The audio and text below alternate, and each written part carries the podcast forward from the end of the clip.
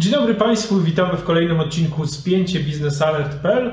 Dzisiaj wraz z Wojtkiem Jakubikiem porozmawiamy o tym, jak Unia Europejska zareaguje na obecny kryzys energetyczny. Zapraszamy.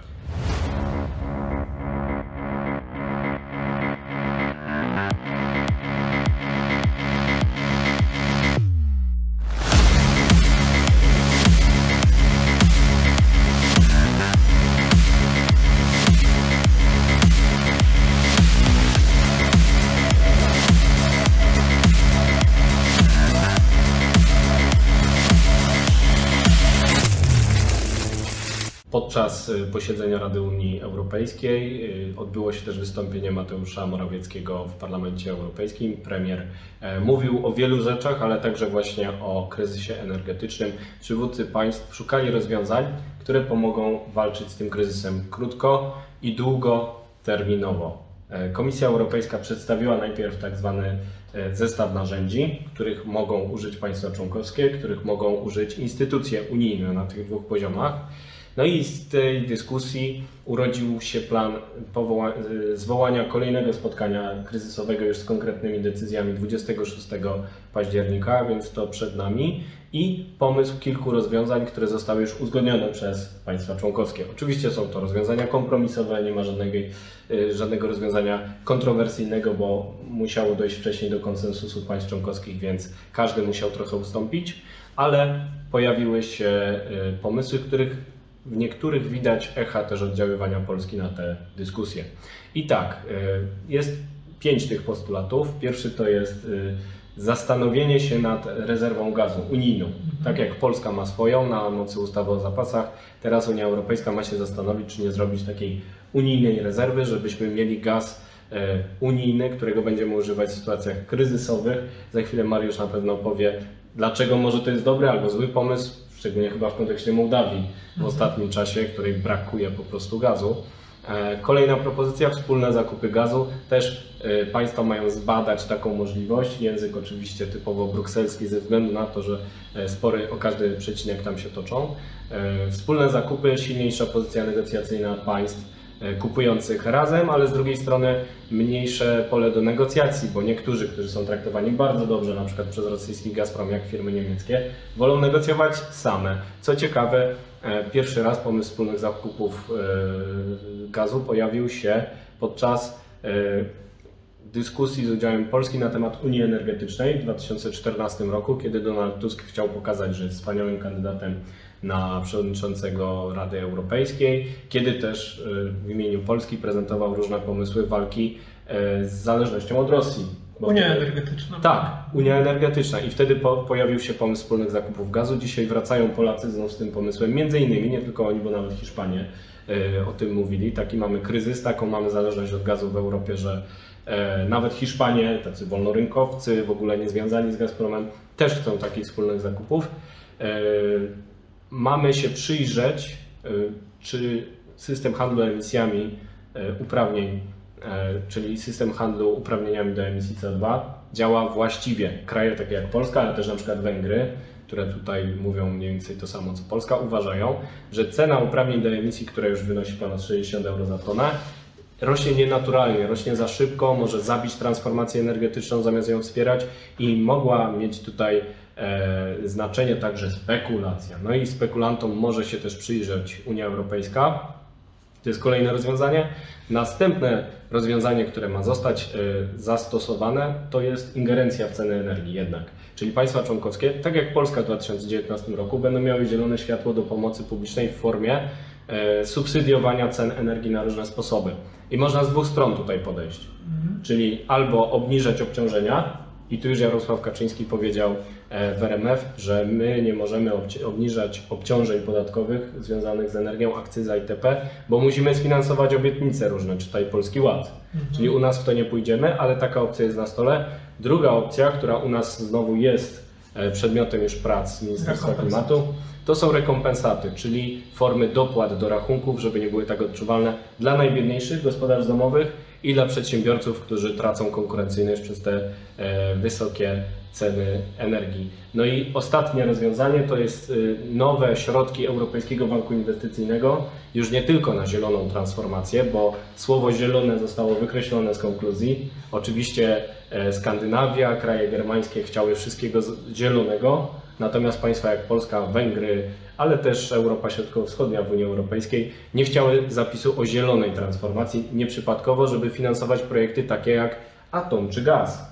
No i odzwierciedleniem e, tej gry interesów była wypowiedź przewodniczącej komisji Urszuli von der Leyen, która powiedziała, że no, chcemy mieć zieloną energetykę, ale nie damy rady na przykład bez atomu. I to powiedziała von der Leyen e, po prostu w parlamencie, w parlamencie Europejskim.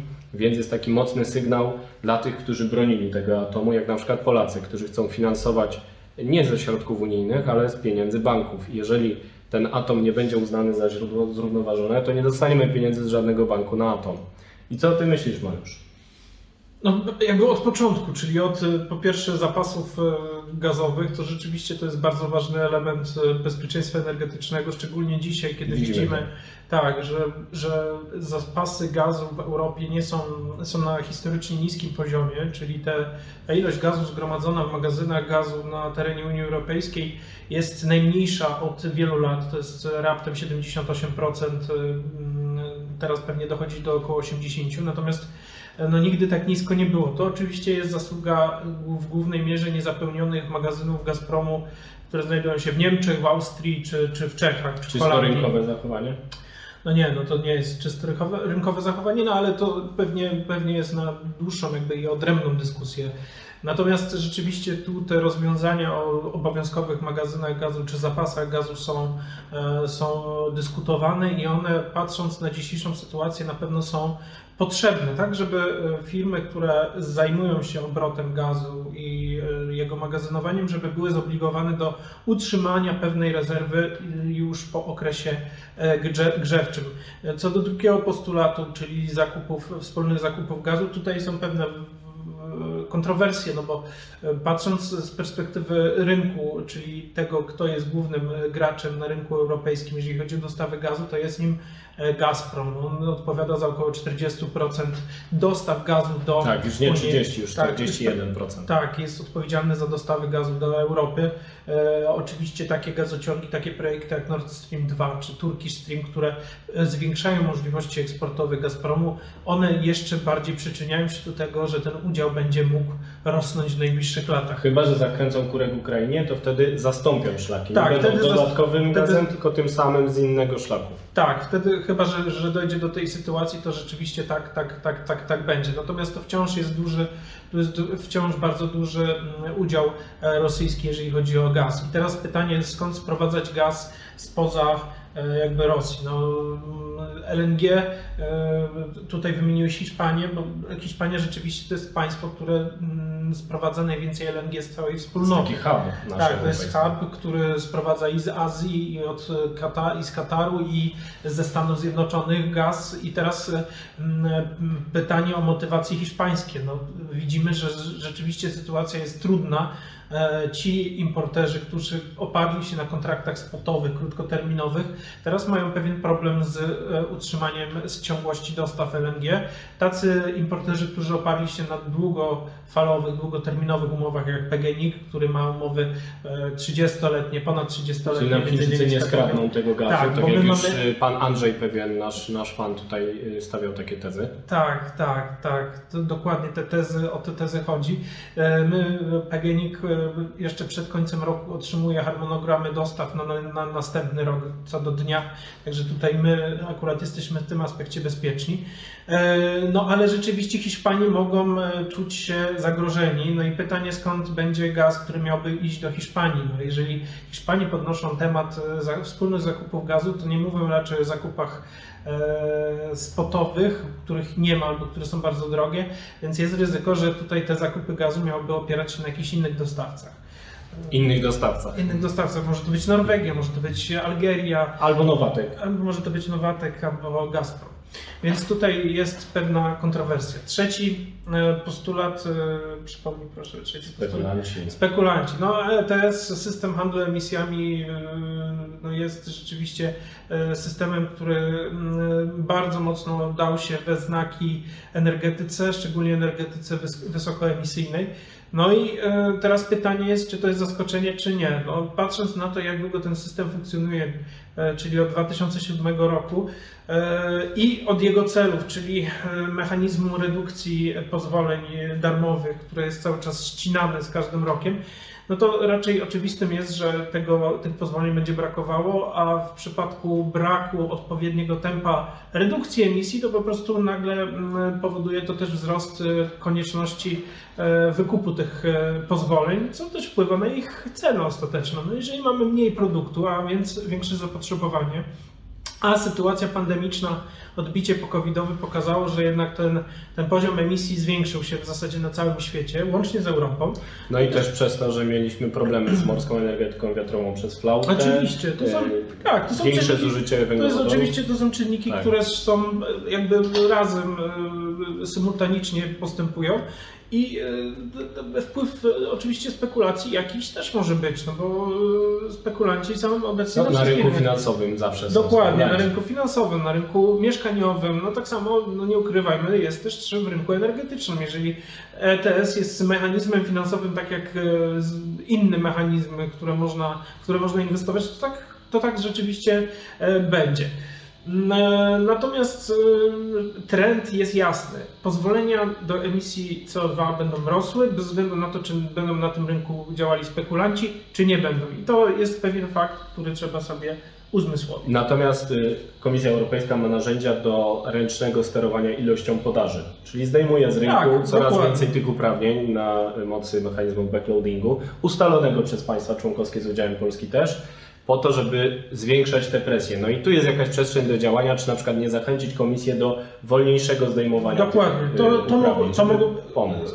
ty, ty, chociaż tymczasowo, czyli na Tak. okres kryzysu e, czy pandemicznego, czy wyjścia z kryzysu pandemicznego, to by było dobre rozwiązanie. No bo rzeczywiście, jeżeli zobaczymy na emisję w 2020 roku, to one były niższe niż w latach ubiegłych, więc te pozwolenia, które zostały e, niewykorzystane, przepadły. No i pytanie, czy nie powinna Komisja Europejska w tym momencie zareagować tak, żeby te uprawnienia jakby w pewnym sensie albo zamrozić te, te, ten mechanizm e, zaboru bezpłatnych uprawnień, no to, to jest oczywiście kwestia dyskusji. Wiem, że polskim postulatem jest ustalenie ceny maksymalnej na uprawnienia, e, wysokość. No, Zobaczymy, czy przejdzie, ale coś w połowie drogi może się uda wynegocjować. może coś się uda wynegocjować. Taksonomia i EBI nam zostały. Taksonomia i EBI, tak, czyli taksonomia, y, kwestia y, tego, y, to co powiedział Ursula von der Leyen, no to jest istotne z dwóch względów. Po pierwsze, że to jest pierwszy głos tak wysoko postawionego przedstawiciela Unii Europejskiej, który Aż nam tu słońce zaświeciło e, Tak. w sali naszej nagraniowej, po prostu jak promyczek nadziei. Tak jest, e, że pytanie dla kogo?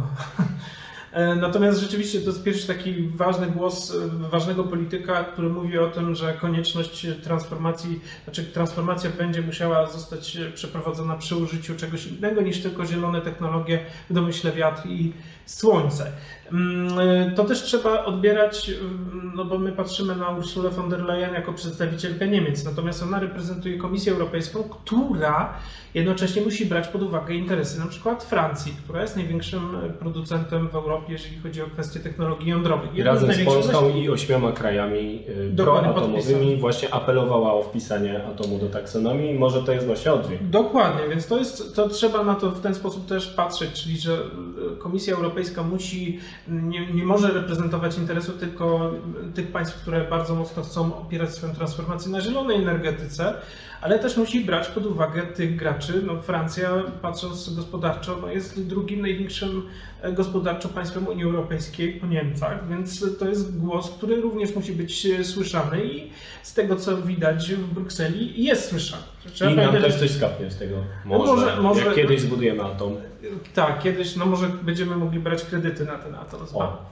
E, EBI, EBI. finansowanie. No i teraz finansowanie. No tutaj Najprostsze. najprostsze kwestia tego, jak EBI będzie mm, podchodziła do takich technologii, na przykład jak gaz. No, wiemy, że transformacja, y, finansowanie transformacji w oparciu o gaz przez EBI jest e, no, nieakceptowalne. EBI nie chce finansować inwestycji gazowych. No i teraz pytanie, czy mm, transformacja właśnie w ujęciu tylko e, opierające się na zielonej energii bez udziału atomu i bez udziału gazu jest możliwe? No patrząc na to, co dzieje się w, w kontekście właśnie wieczności w tym, w tym roku, które według na przykład szacunków brytyjskich jest o 20% niższe, według e, niemieckich około 15% niższe niż w zeszłym roku, no jest problem. I teraz mm, nawet raporty, badania raportów e, w raportach IPCC pokazują, że wieczność w Europie w następnych e, kilkudziesięciu latach będzie spadać, dlatego że wpływ e, zmian klimatycznych wpływa również na prędkość, na, na, na- na wiatry. I e, no, może się okazać, że te wiatraki, które budujemy z taką lubością, Będą się słabiej będą kręcić. się słabiej kręcić. A trzeba pamiętać, że no pewne, pewne wartości, jeżeli chodzi o produkcję energii, muszą być zachowane, zwłaszcza, że my nie mówimy o zmniejszeniu mm, popytu na energię w perspektywie następnych lat, tylko mówimy o cały czas o zwiększeniu, czyli nie tylko musimy zastępować te konwencjonalne źródła energii, które są obecnie, ale musimy myśleć o tym, żeby nad, nadganiać tą, tą, tą lukę, którą niedługo, e, która niedługo będzie się pojawiać. Więc e, no tutaj rzeczywiście jest pewne ryzyko, e, jak to będzie wyglądało. No i EBI też będzie musiało prawdopodobnie przemyśleć swoją politykę inwestycyjną. Zobaczymy, czy przemyśli, zobaczymy, jak ta skrzynka z narzędziami od Komisji Europejskiej zostanie przeobrażona w określone inicjatywy, być może legislacyjne, być może jakieś doraźne e, działania państw członkowskich, czy też unijne. Zobaczymy. Kawusia smaczna? Bardzo. Bardzo smaczna, więc Państwu też życzymy e, smacznej kawusi, wspaniałego weekendu i na pewno po kolejnym kryzysowym spotkaniu Rady Unii Europejskiej będziemy się z Państwem widzieć na kolejnym spięciu biznesalert.pl. Pozdrawiam Państwa Mariusz Marszałkowski. I Wojciech Jakubik. Tak jest. Do usłyszenia. Do zobaczenia.